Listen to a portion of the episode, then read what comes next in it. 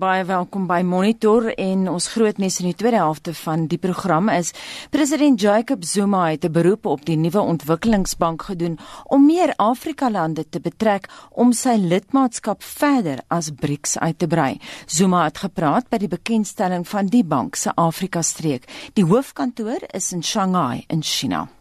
President Zuma sê die opening van die bank se Afrika-streek is 'n geskiedkundige aangeleentheid, omdat hy glo die bank sal Afrika help om die agterstand in infrastruktuur in te haal met behulp van lenings.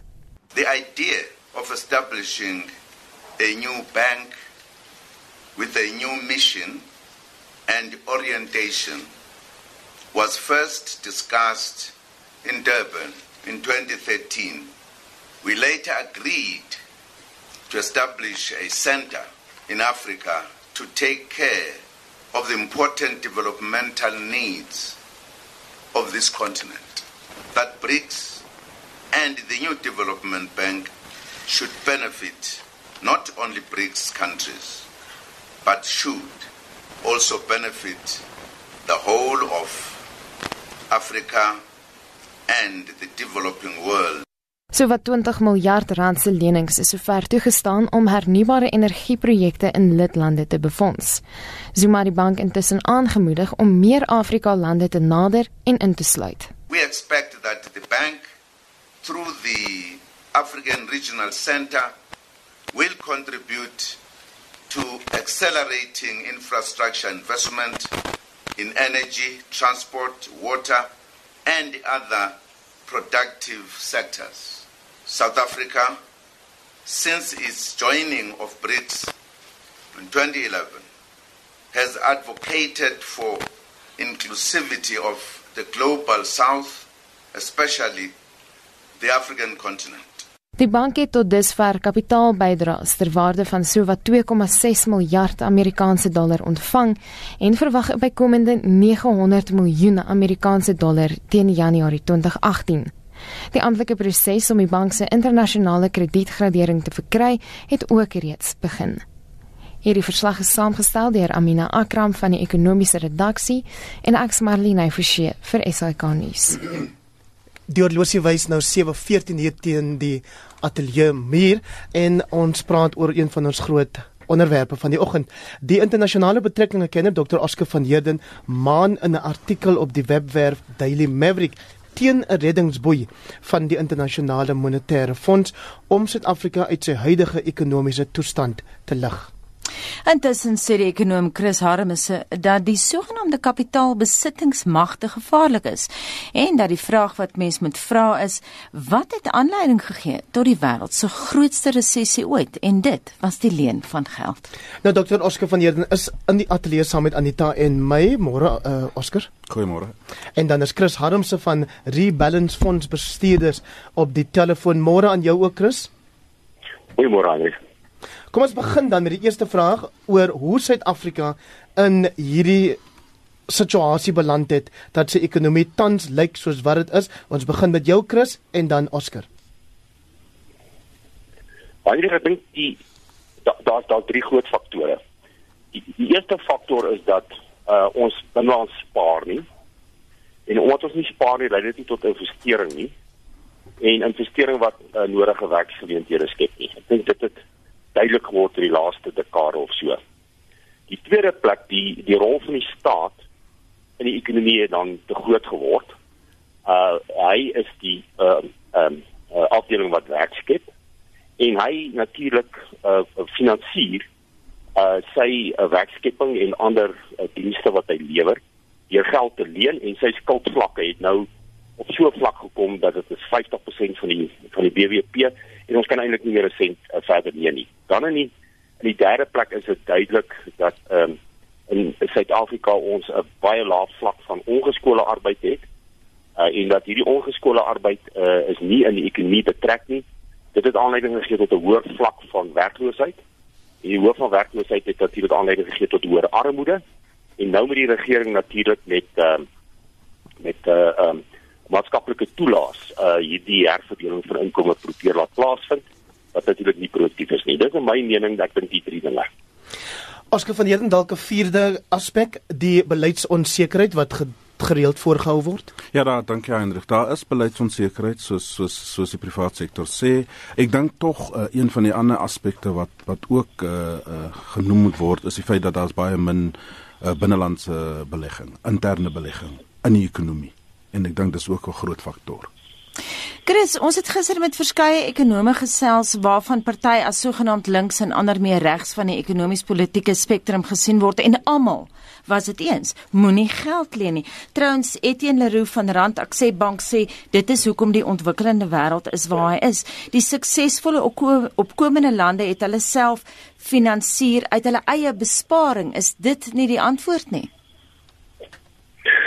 Anita ja voorwaar, dis die antwoord. As jy gaan kyk na die suksesvolle opkomende lande, hulle spaar 35 tot 45% van hulle uh uh besteedbare inkomste spandeer hulle dit dit gee aanleiding tot tot investering in produk, produktiewe goedere en dienste en dit gee aanleiding dat hulle natuurlik hulle self finansier en so hoë vlakke van ekonomiese groei het.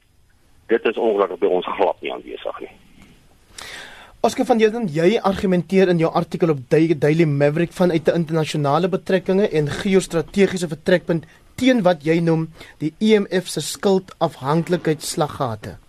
Ja, nee, definitief. Ehm um, kyk as ons kyk na die geskiedenis van die uh, monetaire fonds, dan sien ons dat daar's 'n daar's 'n aantal lande wat gegaan het na die fonds toe wat wat geld nodig het, ehm um, en lenings gemaak het en hulle is nog steeds in die situasie waar hulle was 'n paar jaar gelede.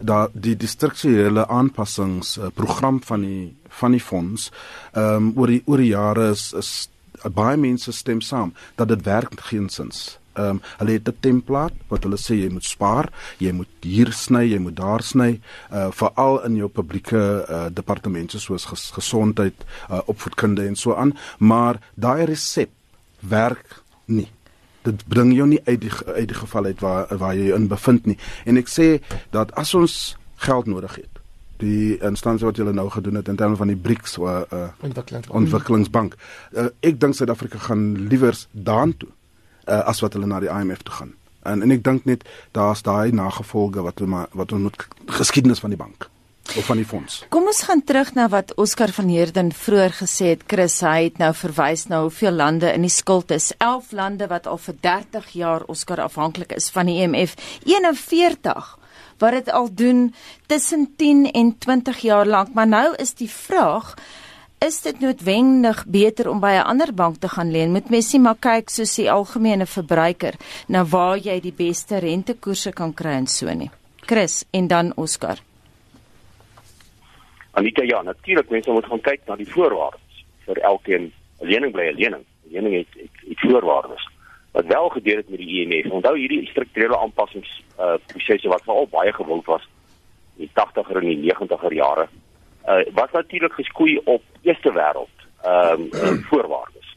En ek dink dis waar die probleem gelê het. Dit was eerste ja, eerste wêreld voorwaardes wat op Afrika lande uh wat vir die armste lande was afgedwing is en weet daai lande kon dood eenvoudig net nie uh daai daai skuld weer terugbetaal onder daai voorwaardes nie. Hulle het nie die moderne infrastruktuur, finansiële dienste en so voort gehad om aan daai voorwaardes te voldoen nie. Chris, ekskuus, ek, ek moet jou net hier in die rede val. Dit is nie net Afrika lande nie, nie. Ons kyk na die hele ontwikkelende wêreld. Jy kan dieselfde vir Latyns-Amerika sê.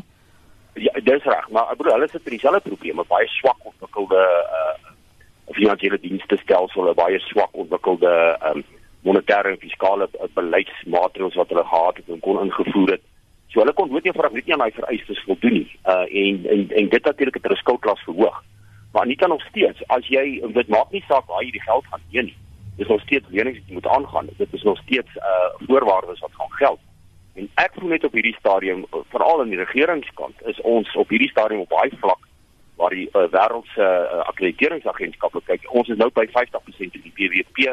Hulle reken enigiets bokant dit gaan ons net verder in die in die in die armoede dompel en uh, ons sal daarom moet voldoen en daarom sal ons moet sien in hoe mate ons nie binnelands ons paar geneigtheid vertroue kan terugsit dat maatskappye veral wat baie wat baie spare opgehoop het oor die hierdie laaste paar jare dit gebruik vir investering nie dit gebeur nie want daar's geen vertroue in die ekonomie op die oomblik Maar wat ek tog wil sê Anet, as uh, jy weet ek ek wil net die, die punt maak. Ek sê nie ons moet na die BRICS uh, ontwikkelingsbank toe gaan nie. Ek sê as dit kom op 'n punt waar Suid-Afrika nou 'n lening moet maak, dan dink ek hulle gaan liewers na die BRICS uh, uh bank toe.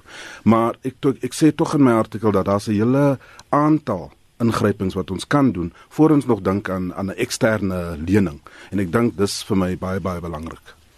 Wat is daai aanloop of daai ander opsies? Wel, eintlik jy weet soos ek sê, ek dink so uh, in terme van Suid-Afrika het ons nog nie uh, juis 'n aantal dinge gedoen wat ons voor ons by 'n bank moet kom nie. So byvoorbeeld ons kan sê soos hulle gesê het in Rusland, ehm um, toe ek vir een van die mense vra by tresorier. Kyk, wat moet ons doen om ons skuld bietjie te vereffen. En hy sê toe vir my, ek sê vir hom moet ons moet ons die wet in uh, uh miskien opvat en ons miskien ons persoonlike inkomste uh taks ook 'n uh, bietjie hoër maak. Hy sê toe vir my, kyk, om om eerlik te wees, as ons die publieke werkers van die regering se salaris kan stop net vir 2 of 3 jaar, sal dit 'n groot impak maak. Groot impak. En hulle het dit gedoen in Rusland en 'n paar ander lande. En ek dink net dat in terme van die die Unis ehm um, en die regering, daar is 'n gesprek wat hulle moet hê in terme van as ons wil hê die land moet vorentoe gaan en ons moet ons skuld vereffen, dis dis een van die opsies wat ons op die tafel moet sit. Ehm um, natuurlik is daar 'n tweede opsie en dit is ek sê ook dat die private sektor moet na die na die party toe kom. Hulle moet na die tafel toe kom. Hulle het 'n hele aantal geld wat hulle opsit. Hulle is hulle weier om dit te belê uh, en hulle gebruik die die ekskuus dat daar is die uh, sekerheid in terme van uh, die beleid in in die regering nie. Jy het dit self gebruik vroeër. Presies. En ek sê dat hulle moet na die tafel toe kom en sê, "Oké, okay, As daar nou daai onsekerheid is, hoe gaan ons dit opklaar? Hoe gaan ons wat presies is dit want dit kan nie die hele beleids uh uh omtrek wees nie. Kom ons sê presies wat is dit wat ons moet wat ons mee saamstem nie, dan kan die regering miskien 'n paar dinge doen om dit te verander. As jy pas by ons aangesluit het, ons praat ver oggend met Dr. Oscar van Heerden en dan ook die ekonom Chris Harmse. Oscar, jou premisse is geskoei op die idee van fiskale dissipline dit verstaan ek. Maar dink jy nie fiskale dissipline op nasionale vlak moet begin by individuele huishoudings nie? Ek vra hier vraag aan beide van julle, jou en Chris. Nee, definitief. Ek stem saam met Chris in terme van daar is 'n kultuur waar ons geensins spaar nie. Dis nie net die regering nie dis ons self in terme van families. Ehm um, ek dink ons geskiedenis het uh, 'n uh, rol wat speel in dit. Uh, swart Suid-Afrikaners voel dat hulle in terme van die middelklas uh, uh, moet hulle natuurlik 'n sekere voertuig ry, hulle moet in 'n sekere huis woon en so aan. So daar's groot skuld wat gemaak word om in te pas. As jy weet wat ek bedoel. Ehm um, tog sê al sê ek dat daar is ek in ek stem saam met Chris, ons moet 'n kultuur hê waar ons begin spaar. Chris Anita, ja, natuurlik uh, Heinrich, uh, as jy net na die as jy net na die data kyk, Suid-Afrika is ons totale besparings vir die BBP in 2016 gewees 16.1. Nou dit klink asof dit nogal redelik hoog is. As ek nou nog gesê het, die ander ontleikende lande kyk is hulle dubbel so voor. Soveel, maar as ons gaan kyk na die data van huishoudelike spare tot besteedbare inkomste, is dit minus 0.4. So is negatief. Hy het dan 'n bietjie afgekom van 2014, einde 2013 se hoogtepunt van minus 2.2 en nou punt 4. So lyk my daar daar begin daarom tog by die gewone verbruiker die ehm um, uh idee ontstaan ek kan nie op skuld verder leef nie, maar hierdie syfers sal moet positief uh omgedraai word en waar ek saamstem nou is dat die feit van die saak is die die die sektor wat hoër salarisverhogings aanbied is die staatsdienssektor. Hulle gemiddelde salarisverhogings is gelyk aan die inflasie en hoër private sektor se laaste paar jare is laer as die inflasiekoers. En dit is hierdie verhoogde verhoogde uh, salarisse in die staatsdienssektor wat aangee dat die lede van die staatsdiens al hoe meer skuld aangaan sonder dat hulle verder spaar. Dit lei nie natuurlik tot produktiewe tot produktiewe goedere en dienste produksie in die land nie. Daarom dink ek en ek het al hoeveel keer gesê ons moet een of ander tyd 'n ekonomiese kodeks op kry dat al die rolspelers om die tafel gaan sit dat hierdie spare wat bestaan by die uh, by die by die sake sektor want iewers moet ons by die 16% uitkom dat dit aangewend word. Christen jy Op oomblik moet ons hierdie kultuur onderkom. Christen jy saam met Oscar dat die BRICS-lande se ontwikkelingsbank 'n oplossing bied of moet mens versigtig wees om uh, wat jumping from the fire into from the frying pan into the fire met mens baie versigtig wees voordat jy nou weer daai pad loop van leen. Anita, aan, aan die een kant wil ek sê ja, ons moet kyk na die voorwaardes, ons moet net pas op vir slaggate. Onthou die BRICS-lande is Suid-Afrika ingenooi. Uh ons gaan bydra daar lewer en ek dink ons kan 'n groot bydrae tot Afrika lewer.